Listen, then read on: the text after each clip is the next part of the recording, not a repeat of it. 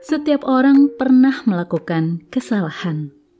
Mungkin punya masa lalu yang tidak baik, namun yang terpenting adalah yang sekarang. Apakah ia belajar dari kesalahannya dan kemudian berubah menjadi pribadi yang lebih baik?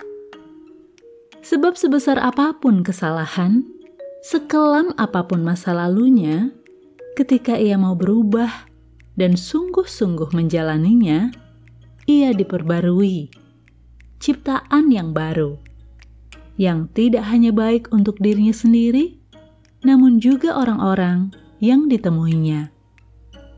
Dengan demikian, mengenapi rancangan Sang Pencipta, menjadi ciptaan yang berguna dan melakukan pekerjaan baik.